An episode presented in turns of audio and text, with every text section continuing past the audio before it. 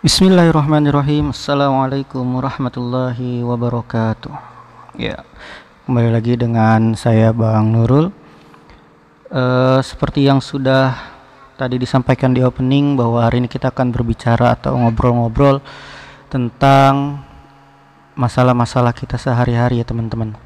Tadi di opening Saya udah ngebuka Di episode sebelumnya Bahwa setiap kita pasti punya masalah gitu bahwa tidak ada satu orang pun tanpa masalah termasuk diri saya sendiri juga pasti punya masalah gitu ya. Ya semuanya pasti punya masalah gitu. Enggak yang mungkin kita lihat orang lain nggak punya masalah kayak misalnya oh dia kaya banget ya enak banget gitu kan. Hartanya banyak mau ini mau itu gampang banget. Kayaknya hidupnya nggak ada masalah. Enggak dia punya masalahnya sendiri gitu. Setiap orang punya masalahnya sendiri gitu. Karena itu udah janji Allah dalam Al-Quran gitu. Salah satunya di Al-Quran surat Al-Mulk ayat 2 kata Allah kan a'udzubillahi minasyaitonirrajim alladzi khalaqal mauta wal hayata liyabluwakum ayyukum ahsanu amala. Wa huwal azizul ghafur. Apa kata Allah? Kata Allah adalah Allah lah yang menjadikan mati dan hidup supaya dia Allah menguji kamu. Siapa di antara kamu yang paling baik amalnya? Gitu. dan dia maha perkasa lagi maha pengampun. Sengaja Allah ingin menguji kita untuk apa? Karena Allah ingin tahu siapa di antara kita yang paling baik amalnya gitu. Karena nanti di hadapan Allah yang ditimbang amal kita perbuatan kita amal solih kita gitu bukan harta kita. Sebanyak apa pun harta kita kalau memang tidak ada yang dikeluarkan untuk di jalan Allah ya nggak bakal ditimbang sama Allah gitu. Nggak bakal ada nilai kebaikan gitu. Jadi kebaikan-kebaikan kita lah yang akan ditimbang nanti di hadapan Allah. Maka baik ataupun buruk itu adalah ujian buat kita gitu. Dan semuanya pasti ada ujiannya pasti ada masalahnya di antaranya juga Allah juga berfirman gitu di surat Al-Anbiya ayat 35 A'udzubillahi minasyaitonirrajim kullu nafsin dha'iqatul maut wa nabluwakum bisyarri wal khair fitnata wa ilayna turja'un. Dan tiap-tiap yang berjiwa pasti akan merasakan mati. Kami akan menguji kamu dengan keburukan dan kebaikan sebagai cobaan yang sebenar-benarnya. Dan hanya kepada kamilah kamu dikembalikan. Nah, itu Allah sendiri yang menjanjikan bahwa setiap kita gitu akan Allah uji dan setiap kita akan dikembalikan kepada Allah dengan hasil ujian kita gitu. Apakah kita lulus dari ujian-ujian itu atau enggak gitu. Tergantung kita. Tapi masalah saya berat banget gitu wah kalau masalah berat banget pasti semua orang rasanya masalahnya berat gitu. Nggak ada orang yang rasa masalah saya ringan semuanya rasanya berat.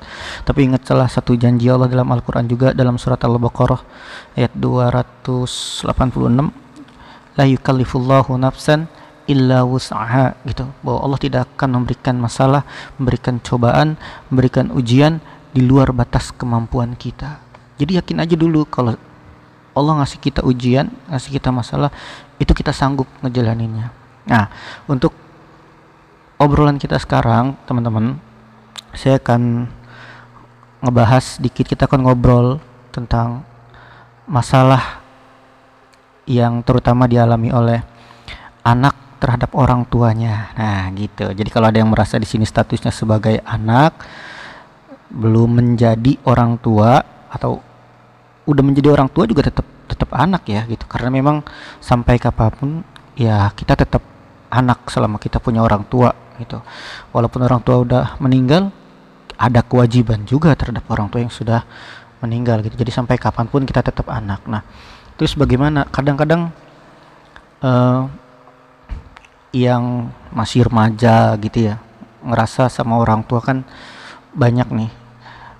Disuruh dikit sama orang tua oh kayaknya paling sering disuruh gitu. Kayaknya apa-apa saya terus apa-apa saya terus kan gitu ya. Padahal ya itu ujian sebagai anak gitu. Ntar ada juga mungkin yang ngerasa oh orang tua saya mah orang tua yang nggak baik gitu. Orang tua saya selalu marah-marah orang tua saya mah uh, pilih kasih kakak saya disayang saya enggak kan gitu ya. Gitu. Jadi ngerasanya pokoknya punya masalah sama orang tua sampai-sampai mungkin ada yang berniat kabur gitu dari rumah karena ngerasa nggak disayang atau apa gitu nggak nggak gitu teman-teman ya. Jadi kewajiban kita sebagai anak adalah otomatis berbakti sama kedua orang tua kita sama ayah dan ibu kita. Itu udah wajib udah harus banget gitu. Terus gimana sih cara kita untuk bisa berbakti sama orang tua kita? Ya sederhana sih sebenarnya gitu. Kayak misalnya kita coba untuk berbicara lembut kepada orang tua gitu kan. Tidak berkata keras atau kasar kepada orang tua nurut sama perintah orang tua gitu kan. Jangan pasang wajah cemberut melotot bermuka asam kalau pas lagi disuruh gitu kan. Berusaha sekuat tenaga gitu untuk menjaga nama baik orang tua. Jangan sampai gara-gara tingkah kita gara-gara sikap kita nama baik orang tua kita tercoreng gitu kan. Dan kalau bisa juga ringankan beban orang tua kita gitu. Kalau mungkin kita masih pelajar gitu kan ya seenggaknya gitu. Kita meringankan beban orang tua kita dengan belajar yang baik dengan membawa prestasi dengan membawa nama baik orang tua. Jadi kalau bisa orang tua itu dipanggil sama sekolah sama universitas sama kampus itu karena memang prestasi-prestasi kita bukan karena kasus-kasus kita gitu. Jadi kalau bisa ya kalau untuk yang udah kuliah mungkin bisa sambil freelance gitu kan. Nggak 100% membebankan biaya kuliahnya untuk orang tua. Sekarang banyak freelance freelance gitu kan. Bisa jadi yang seneng futsal mungkin bisa jadi coach futsal atau bisa les bisa privat atau banyak lah ya. Jadi sebisa mungkin untuk meringankan beban orang tua. Kalaupun tidak dalam hal finansial, setidaknya tidak menjadi beban pikiran dengan seringnya ngelawan orang tua gitu. Emang ada ya gitu perintah untuk bakti sama orang tua ada banget gitu ada banget banyak banget di Al-Qur'an ada di hadis-hadis juga ada itu banyak banget perintah untuk berbakti sama orang tua gitu.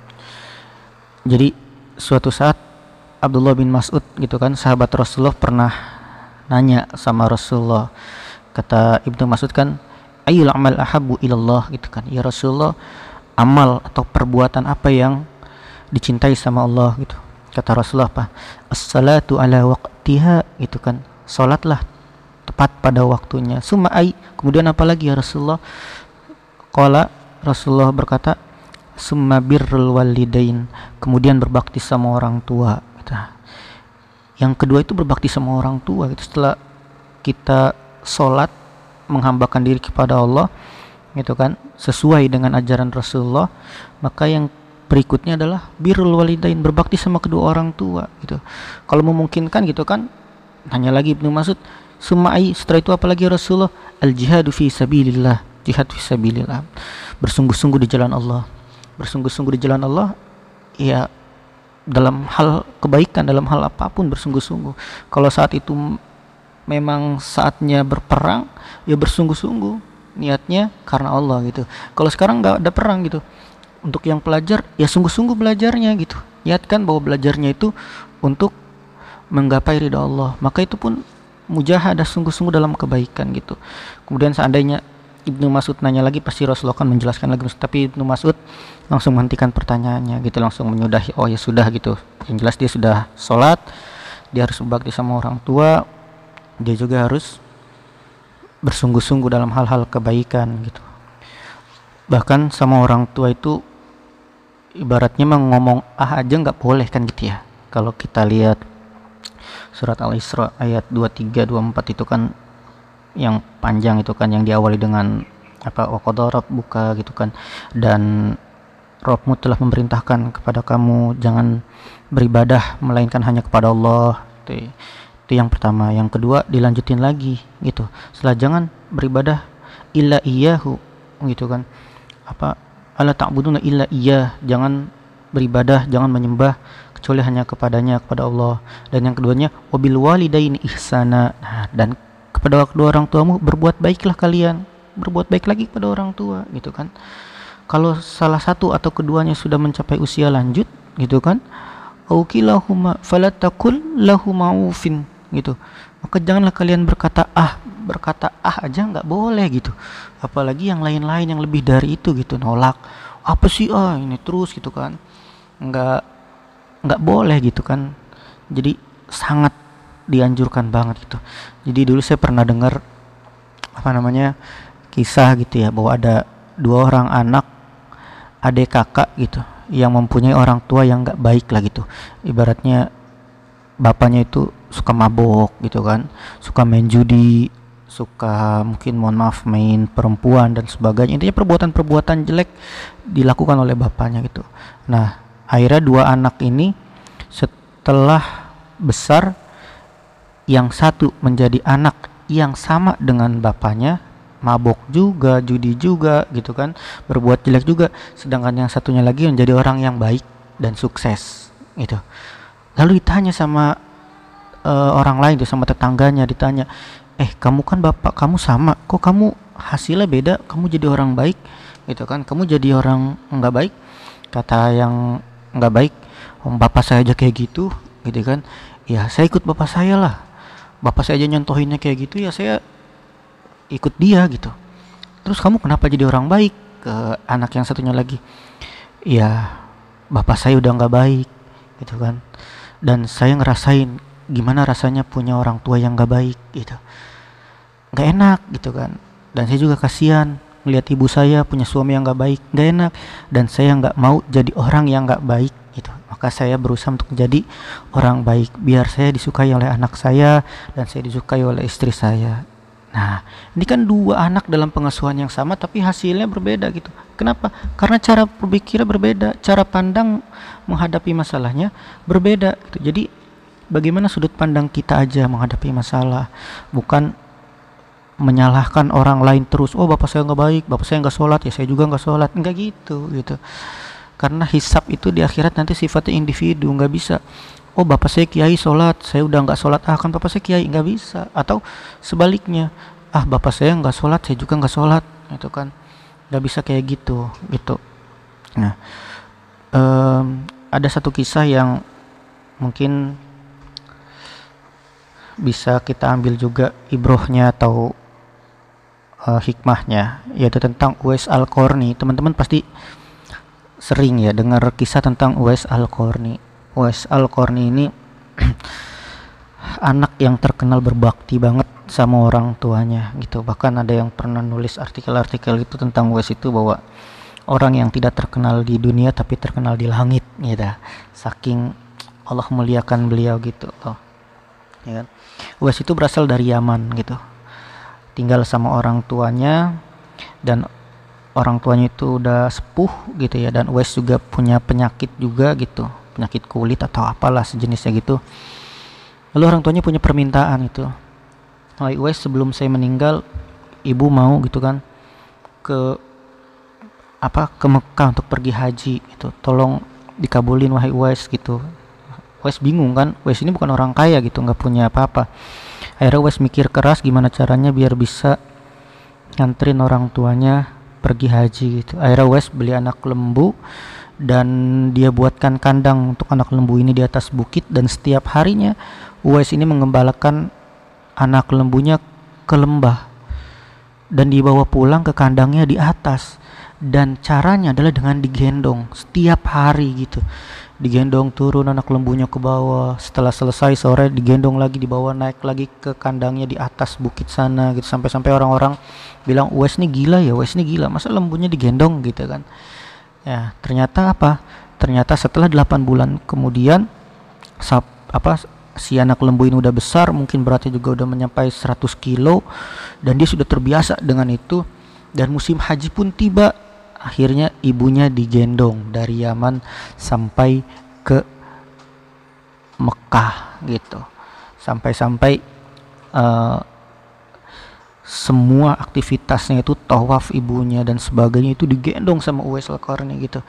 Makanya kata Rasulullah waktu itu bilang sama Sayyidina Umar dan Ali nanti di zaman kalian akan ada orang yang doanya itu sangat dimakbul gitu dia berasal dari Yaman.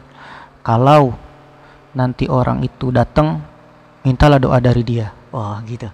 Sampai Umar dan Ali aja dimintain apa disuruh sama Rasulullah untuk minta doa sama Uwais gitu. Karena apa? Karena doanya dikabul. Kenapa doanya dikabul? Karena sangat berbaktinya Uwais sama orang tua kita.